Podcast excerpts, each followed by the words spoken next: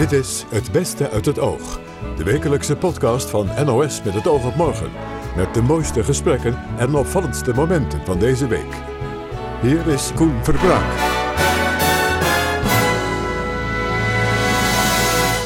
Welkom. Fijn dat je luistert naar het beste uit het oog. Ook deze keer hebben we weer de beste, mooiste en meest opvallende gesprekken van de week voor je verzameld. Zo dadelijk gaan we het hebben over de memoires van premier Ruud Lubbers. 25 jaar geleden schreef Theo Brinkel het boek al, maar het verhaal was toen te explosief, dus bleef het al die jaren op de plank liggen. Lubbers blikte onder meer terug op zijn laatste jaren als premier. Een erg eenzame periode, volgens zijn zoon Bart. In het boek heet het ook het rampjaar. Dus Ja, dat, dat ja. zegt het al. Ja. Ja, toen ging het natuurlijk niet goed. En wielrenfans hebben er even op moeten wachten. Maar de Tour de France gaat dan toch van start. Kan Tom Dumoulin dit jaar een legende worden door de Tour te winnen? Of heeft hij niet de juiste winnaarsmentaliteit? Hij is niet zo'n doetje. Als hij ergens de tanden inzet, gaat hij er gewoon voor en eh, kan Ja. hij gewoon mensen verrassen. Maar beginnen doen we met een ruzie tussen twee rivaliserende drill rap groepen. Enkele weken geleden werd een 16-jarige jongen doodgestoken op de Scheveningse pier. Zijn dood wordt gelinkt aan de muziekstijl drill rap. Advocaat Vito Shukrula verdedigt enkele jonge drill rappers en kent het milieu goed. Bij Chris Keijnen vertelde hij onder meer over de gevaren van drill rap. Het verschil natuurlijk met de normale rap is eh, zoals eh, Boef of Leeuw Kleine die dan rappen. Ik heb een, hele du- een heel duur horloge of een hele dure Rolls Royce. Ja. Eh, eh, is dat met, met drillrap er wordt gedreigd en wordt gezegd ik ga je met mijn keukenwest bewerken, et cetera. En die jongens volgens de studio uitlopen en iemand tegenkomen die ze niet mogen en ook echt bewerken tot Ja. de dood aan toe. Want kunt u iets vertellen over eh, de zaken die u eh, behandelt op het ogenblik? Wat is daar gebeurd bijvoorbeeld? Nou ja, misschien moet ik even teruggaan in de tijd van Ja. waar komt drillrap vandaan. Ja. Drillrap komt uit Chicago, de Southside. Dat, is, dat zijn de achterstandswijken van Chicago. Ehm, en ja, tijdens Waar Obama bandoorlog... ook vandaan komt overigens. Obama Ja. trouwens ook. Ik moest er ook aan nadenken toen ik reed van Ja. ja. Obama komt er natuurlijk ook vandaan. Ehm, maar het is zo dat daar uh, bendeoorlogen aan de gang waren. En Hmm. dat die jongeren eigenlijk als een soort van uiting, ook van frustratie, zijn gaan rappen. eh, daarover. eh, over het geweld. Eh, ook een soort verheerlijking. En dat is vanaf 2010. En vanaf 2012 is het toen eh, overgewaaid naar Londen. Nou, daar zijn de pistolen niet zo snel voorhanden, maar wel de messen. Hmm. Uh, en daar is een, uh, ja, echt die bendecultuur is daar ook ontstaan. En vervolgens is dat uh, overgegaan naar Nederland. En dat zijn hele jonge jongens die zich maar bezighouden. Dat zijn jongens van 12, 13, 14, 15, 16, 17. Hm. Uh, dat is een beetje de categorie waarbij je moet zoeken. Uh, maar het bizarre is dat ze echt elkaar neersteken. Het is, niet echt, het is niet alleen het dreigen, het is echt elkaar neersteken. En de Nederlandse politie is onlangs naar Engeland gegaan om te vragen aan de Engelse politie van hoe gaan jullie hier nou mee om? Hoe lossen jullie dit op? Hm. En ze zijn daar toch wel van geschrokken, want die Engelsen zeiden van als jullie dit niet goed aanpakken, uh, dan krijg je straks ook die bendevorming en dat is heel hardnekkig. En dan zitten we straks met zo'n probleem als wat we hier hebben gehad met de outlaw uh, motorcycle gangs, de Hells Angels, et cetera, de bendevorming.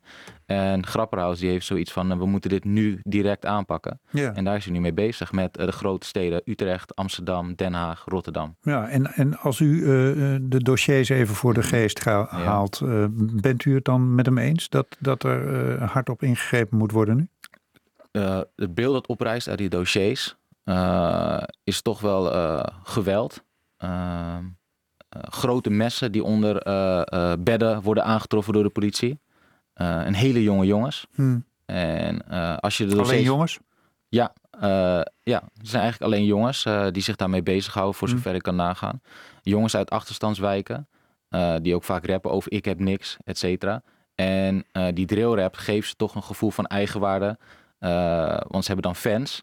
Maar tegelijkertijd is het ook wel bewerkelijk, want ze hebben bivakmutsen op. Dus hoezo fans? Hm. Je kan niet met ze op de foto.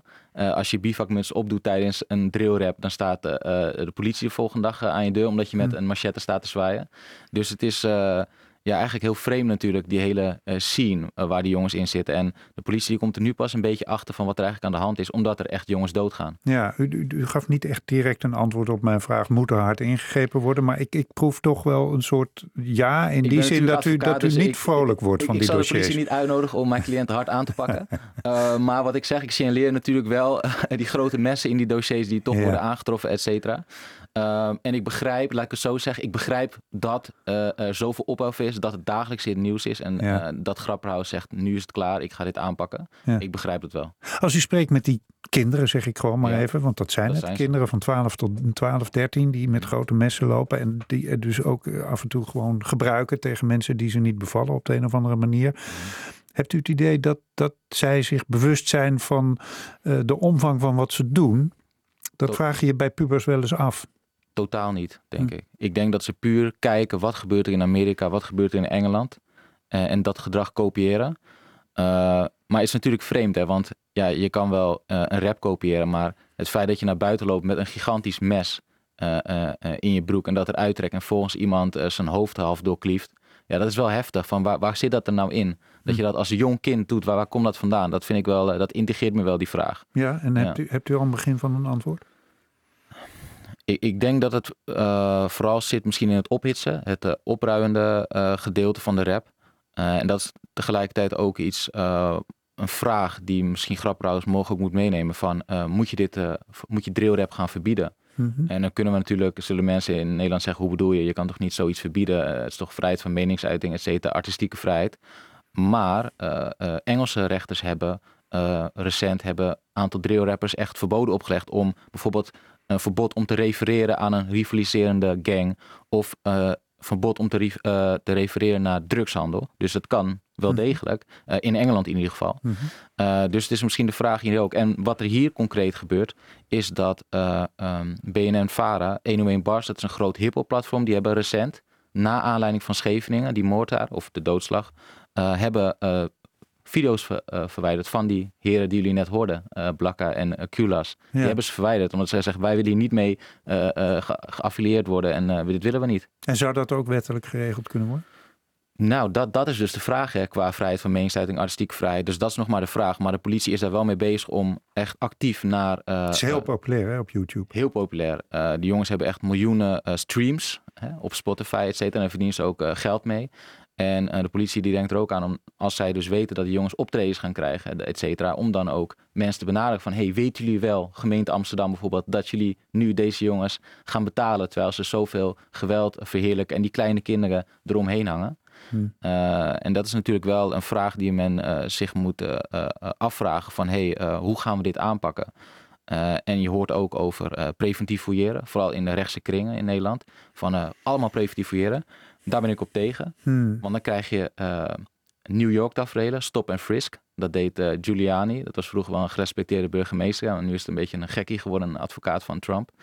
Eh, maar die heeft dat geïntroduceerd. En dan Ja. zag je dat vervolgens een heleboel zwarte mensen in Ja. New York werden gefouilleerd. En daar ben ik bang voor dat het ook dan straks in de Bijlmer gaat Ja. plaatsvinden. Dat die jongeren die wel goed bezig zijn, ook tegen de muur worden gegooid. Dus ik denk dat de beste aanpak is om ehm, eh, een gerichte persoonlijke aanpak. Dus dat de politie gaat onderzoeken wie doet dit, wie houdt zich hiermee bezig. Ehm, en die jongens pakken we aan. En die Ja. gaan we met. Ja, Maar u zei ook, in Engeland heeft de rechter wel degelijk ook inhoudelijk ingegrepen in Ja. de teksten van, eh, van die raps. Ja. Ehm, nu zei u al, ik, ik, ik zit hier niet om de politie te adviseren, maar u, u doet het toch al wel een beetje. Dus denkt u dat daar een rechtsgrond voor is in Nederland? ik denk het niet. Eh, ik vraag me ook af als, als, als die jongen eh, naar het Europese Hof zou stappen, eh, of dat wel stand houdt. Vanwege die vrijheid van meningsuiting. Maar die discussie die is er wel in Nederland. Daar zijn artikelen over geschreven. En ik denk dat dat ook toch wel moet bediscussieerd worden in bredere kring. Of alles is toegestaan, of je alles maar mag zeggen. Want Ja. de vraag is, juridisch bij ons dan, hè, is het opruiing? Is het aanzetten tot geweld? Ja. En dat is wel een juridisch grond om te zeggen, en nu stoppen jullie daarmee. En dat een recht zegt, als jij dat nog één keer doet, als je nog één keer zegt, ik pak mijn keukenmes, eh, dan gaat u zoveel jaar zitten. Hopen dat de minister ook heeft meegeluisterd dus.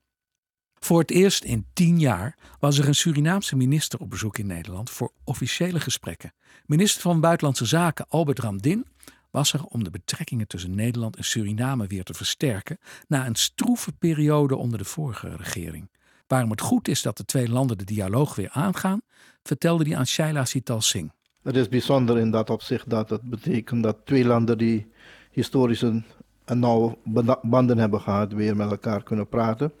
Op een manier dat eh, beide landen ehm, eigenlijk plezierig vinden, maar beide volkeren ook nuttig vinden. En zeker de beide leiders van Nederland en Suriname. Ja, want onder het bewind van, van Bouterse, die uh, net vertrokken is als president, zijn de betrekkingen tussen Suriname en Nederland uh, nou, heel erg slecht geworden. Er was een tijd lang geen ambassadeur. Wat, wat gaat u doen om die betrekkingen weer te verbeteren? Wat gaat uw eerste stap zijn? Nou, de eerste stap is reeds gezet tijdens het gesprek tussen premier Rutte en president Santokki, kort voor zijn inauguratie. Is toen afgesproken dat we de relaties zouden herstellen op het niveau van ambassadeurs, het hoogste diplomatieke niveau in de relaties tussen de twee landen. Dus dat is een van de dingen die sowieso gaat gebeuren, vrij snel.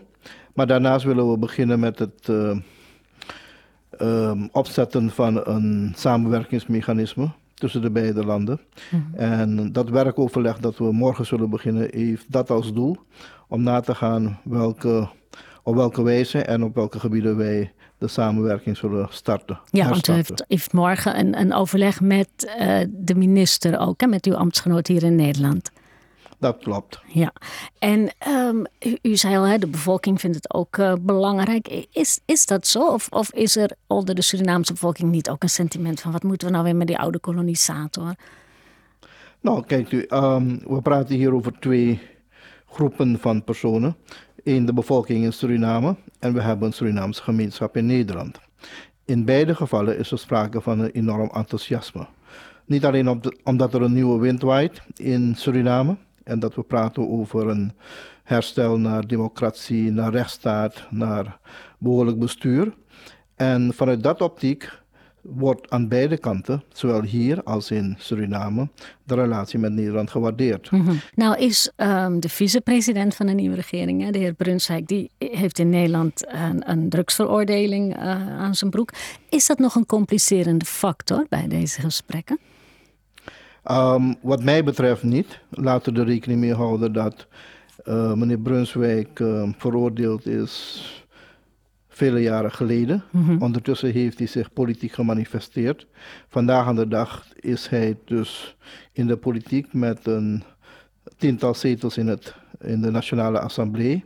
Maar daarnaast moeten we rekening houden, en dit is het verhaal dat ik graag vertel, is dat het gaat niet om personen. Het gaat niet om president Santokki of president, vicepresident Brunswijk. Het gaat om de toekomst van het land. En als we ons focussen op het grotere verhaal, dan hoop ik dat zowel Nederland als andere partners in de wereld daarnaar zullen kijken. Ja. Het is tijd voor een nieuwe toekomst voor Suriname en dat is een toekomst die we samen willen opbouwen. Ja, en u heeft het over dat grotere verhaal. U noemde net al wederzijds voordeel. Wat, wat, wat ziet u concreet voor u in die samenwerking? Hoe ziet dat wederzijdse voordeel eruit? In ieder geval op het stuk van het bedrijfsleven. Ik denk dat er mogelijkheden zijn in Suriname. En ik denk dat er mogelijkheden zijn voor het Nederlandse bedrijfsleven om in Suriname te investeren, een stukje werkgelegenheid te ontwikkelen, een stukje export te genereren dat naar de Europese markt kan komen.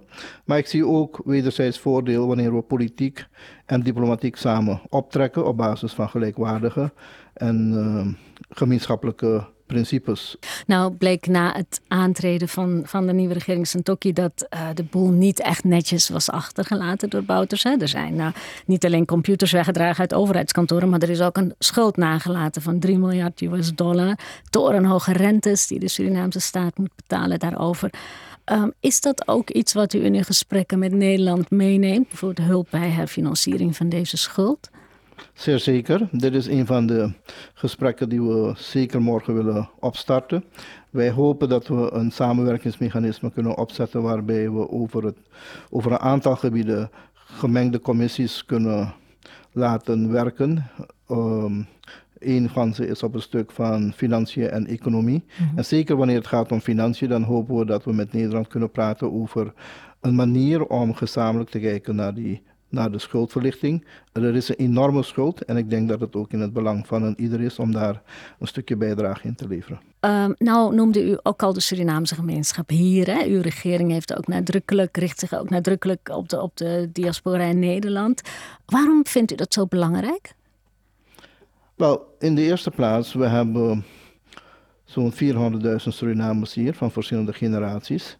Pre- President Santokki heeft nadrukkelijk gesteld in de campagne, in de verkiezingscampagne en op zijn vele bezoeken hier in Nederland, dat wanneer hij gekozen wo- zou worden tot leider van het land, dat hij niet alleen zou regeren met 550.000 Surinamers, maar met minimaal een miljoen Surinamers. Dat betekent een ieder die zich Surinamer voelt. En wij geloven dat de Surinaamse gemeenschap hier, maar waar dan ook ter wereld aanwezig, een bijdrage kan leveren. Het kan op verschillende manieren. En dat zijn de issues die we hier besproken hebben. Op welke wijze de Surinaamse gemeenschap in Nederland ook een bijdrage kan leveren. Dat kan gewoon via het ter beschikking stellen van expertise en kunde zijn. Het kan ook gewoon door fysiek in Suriname een bijdrage te leveren, voor korte dan wel langere termijn. En daarvoor zal er natuurlijk een ondersteuning van de Nederlandse overheid bij nodig zijn. eh, om dat mogelijk te maken. Maar daarnaast het eh, mobiliseren van technische bijstand, maar ook het mobiliseren van investeringskapitaal en investeerders richting Suriname. Na bijna 25 jaar is het boek Haagse Jaren, de politieke memoires van Ruud Lubbers, geschreven door Theo Brinkel, te koop. Het werd al die tijd niet uitgebracht omdat de verhalen van Lubbers toen te explosief en precair waren. Mensen die in het boek werden genoemd, waren namelijk nog politiek actief. Nu kan het dus wel. Zoon Bart Lubbers blikte bij Chris Keijne onder meer terug op de jaren 80. Nederland had toen te maken met een zware economische crisis. En Lubbers kreeg het imago van harde, no-nonsense politicus.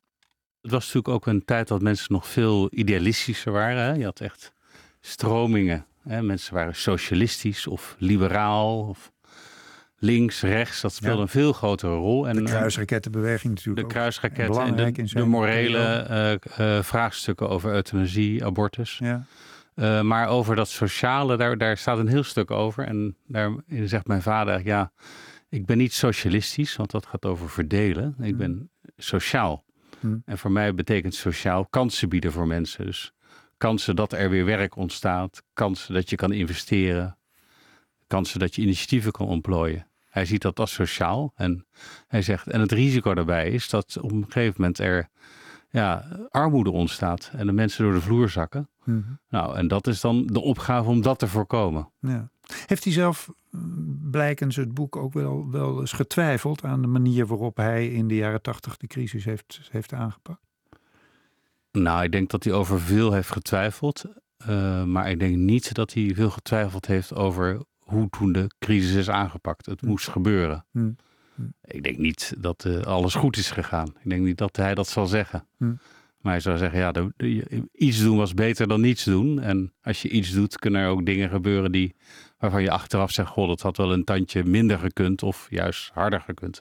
Nou ja, om- even nog dat beeld van de no-nonsense premier. ehm, aan het begin van zijn carrière heeft hij zelfs, blijkt uit het boek, een beetje geneigd naar de PPR. Hè? De, de, de linksen die toen uit de conventionele partijen stapten. Ja, zeker. Hij schrijft ook, eh, of hij heeft geschreven over een bijeenkomst in, in Utrecht. Ja. Zeg maar met de, de jonge linkse KVP'ers. Want daar was hij natuurlijk lid van als katholiek.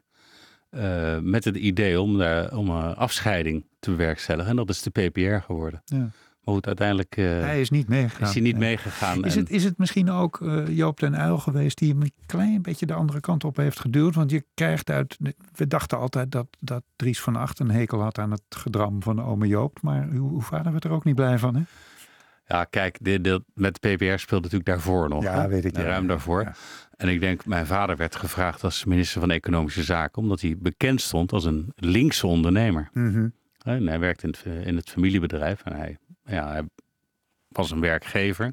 Maar hij kon het eigenlijk goed vinden met de vakbond. Was ook eh, voor ondernemingsraden, eh, winstdeling, al die zaken. Mhm.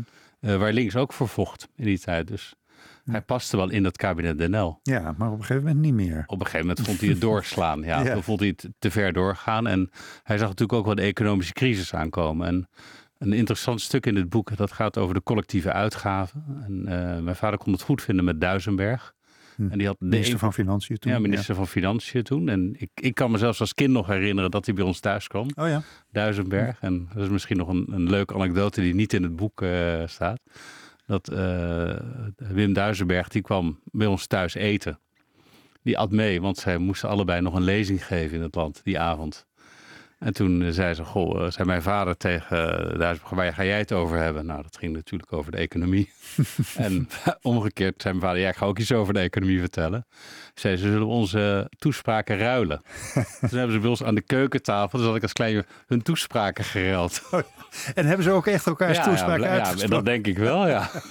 ja. ja. Maar goed, de Duizenberg was van de 1%-norm. Ja. En dat was toen het idee dat elk jaar de, de collectieve uitgaven, dus de overheidsuitgaven, met 1% zouden toenemen ten opzichte van het nationaal product. Dus terwijl de overheid zou steeds groter worden en de markt zou steeds kleiner worden. Ja. Nou, dat is een aantal jaar geweest, tot aan het einde van het kabinet Den Ja. Nee, tot en met vannacht. En daarna is het weer gaan dalen. En dan zitten we nu, nu weer op het niveau waar we in de jaren zeventig zaten. Ja die laatste periode van zijn, zijn premierschap, uh, ook de periode een beetje waarin het boek is ontstaan, hè, waarin de gesprekken plaatsvonden, dat blijkt een hele eenzame periode zijn geweest voor uw vader. Hè. Hij, hij zegt ook, twaalf jaar premierschap leidde tot vereenzaming. Je loopt het risico het gevoel met de samenleving te verliezen als je te lang in een geïsoleerde positie staat. Hij verloor ook de greep op de partij. Dat voelde die ook. Heeft u dat gemerkt aan hem, die eenzaamheid? U was toen eind twintig. Ja, nou, en in het boek schrijft hij ook wel over eenzaamheid in de begintijd. Dat je die verantwoordelijkheid krijgt. Mhm. Maar ik heb natuurlijk zeker gemerkt. En in het boek heet het ook het rampjaar. Dus dat, dat, zegt het al. Ja. ja, toen ging het natuurlijk niet goed. Nee. nee dat heb ik maar dat wel gemerkt. thuis. Ja. ja. dat heb ik ook. Ik, best... ik woonde niet meer thuis toen, hè? Hmm.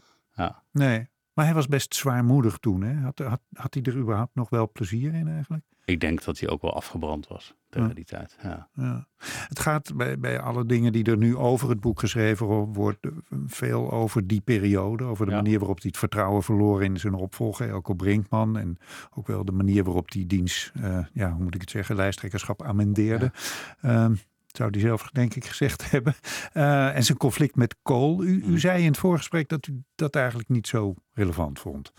Nou, kijk, het, is, het boek gaat over 21 jaar. Ja. En het boek is ook redelijk, dat is ook een verdienste van uh, Theo Brinkel. Die heeft toch die hele periode redelijk verdeeld over het hele boek. En het laatste hoofdstuk gaat over het einde inderdaad, over het laatste jaar. Ja. En ik vind zelf eigenlijk, want daar heb ik al zoveel over gehoord over het laatste jaar. Ja. Ik vind het hele stuk over het politieke bedrijf, al die jaren eh, binnen het kabinet NL, in de Tweede Kamer, in zijn jaren, vind ik eigenlijk veel boeiender. Ja. Want dat is nieuw. Dat heb je nog nergens kunnen lezen. En nu kan je het eindelijk lezen. Hoe, hoe, hoe zat het nou eigenlijk van binnen? Ja. Nou, ik heb toch over de periode Brinkman ook nog wel wat nieuwe dingen gelezen. Namelijk dat, dat uw vader stond natuurlijk bekend omdat hij altijd meedacht met iedereen, ook met zijn ministers. Niet altijd tot ieders genoegen.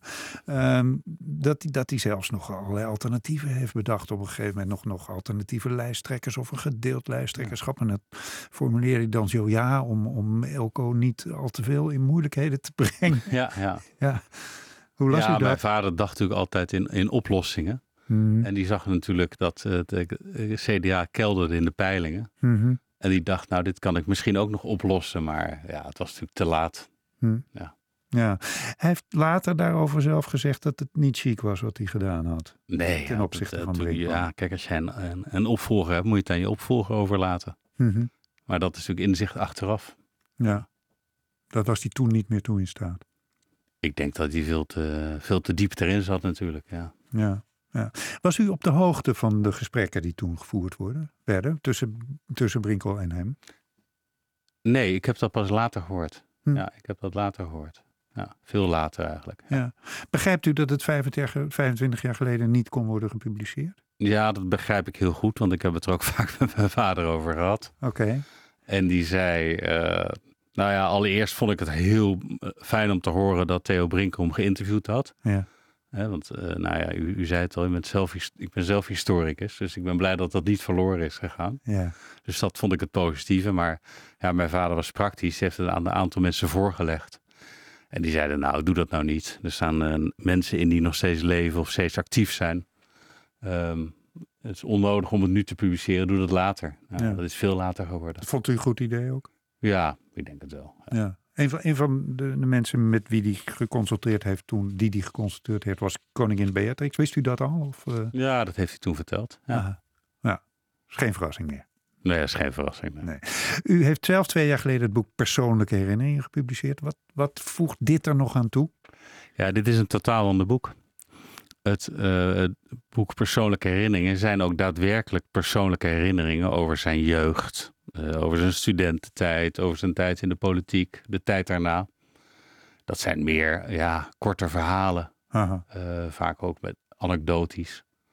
Meer een soort ja, een verhaal van hoe was mijn leven. Maar dit boek gaat echt over het politieke bedrijf. Vandaag begint de Tour de France. En in Nederland zijn we natuurlijk allemaal benieuwd wat Tom Dumoulin gaat doen. Hij werd al eens tweede, maar kan het dit keer dan ook zijn Tour worden? Patrick Bernhard schreef het boek Tom Dumoulin, een wielerlegende in wording, waarin hij onderzoekt wat er bij Dumoulin nog ontbreekt. Bij Wilfried de Jong vertelde hij onder meer over het mentale aspect van wielrennen, want op dat vlak werd Dumoulin niet altijd even goed ondersteund. Toen de Tour in Nederland startte in 2015, toen lag er best wel druk op hem eh, om, om dan het geel eh, te pakken. En ehm, toen werd er ook bij televisieuitzendingen gevraagd van heb je eigenlijk mentale begeleiding? En toen zei hij nee, dat heb ik niet. En eh, nou ja, dat, dat vond ik eigenlijk toen al een beetje vreemd. En toen won hij de Giro. En toen kwam er heel veel op hem af. En heeft hij zelf gezegd dat hij daar best wel last van had. Ook geen mentale begeleiding. Dus dat is allemaal bij zijn oude team Sunweb. En nu zit hij bij Jumbo Visma en heeft hij wel mentale begeleiding. Dus dat, dat vind ik wel eh, een heel goed teken eigenlijk. En ze zijn er heel serieus mee bezig. Ook Marijn Zeeman, eh, een van de, de ploegleiders of de, de, de sportief directeur van Jumbo Visma, die, die ziet daar echt op toe dat, eh, dat die renners ja, helemaal opgepept worden. En ehm, ja, dat ze zelfvertrouwen hebben. En, en, en Dumoulin is natuurlijk ook een twijfelaar.